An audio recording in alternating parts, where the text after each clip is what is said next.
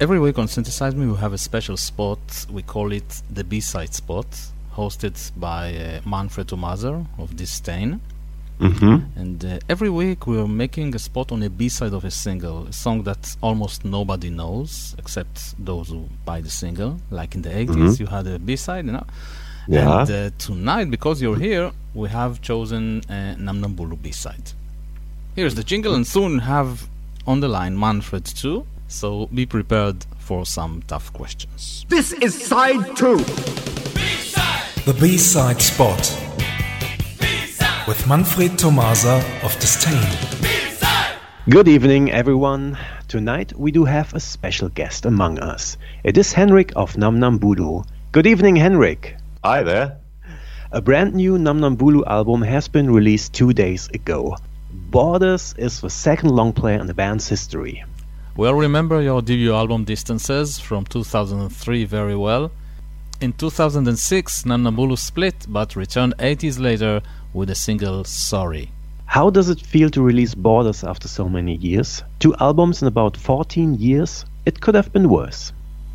It's a strange feeling because uh, we're basically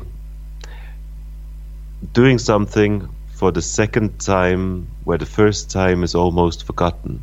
So in many ways, this this second album is like our first album because so many things changed in between, and um, I'm just very curious and yeah, I have so many expectations also. I Just basically, I just want to know what what is going to happen. I I, I cannot really estimate or I have no feeling for it. I have no idea if this thing will just flop or if people will like it or if it'll just like oh yeah another album.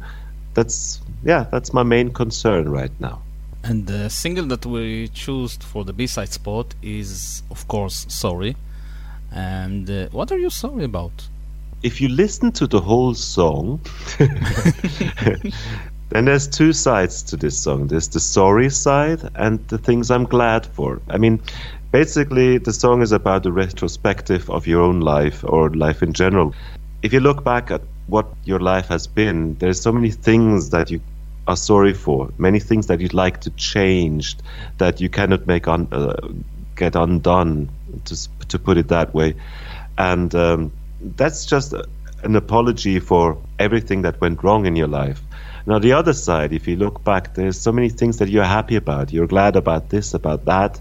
that so, your whole life is about good decisions and bad decisions. Mhm.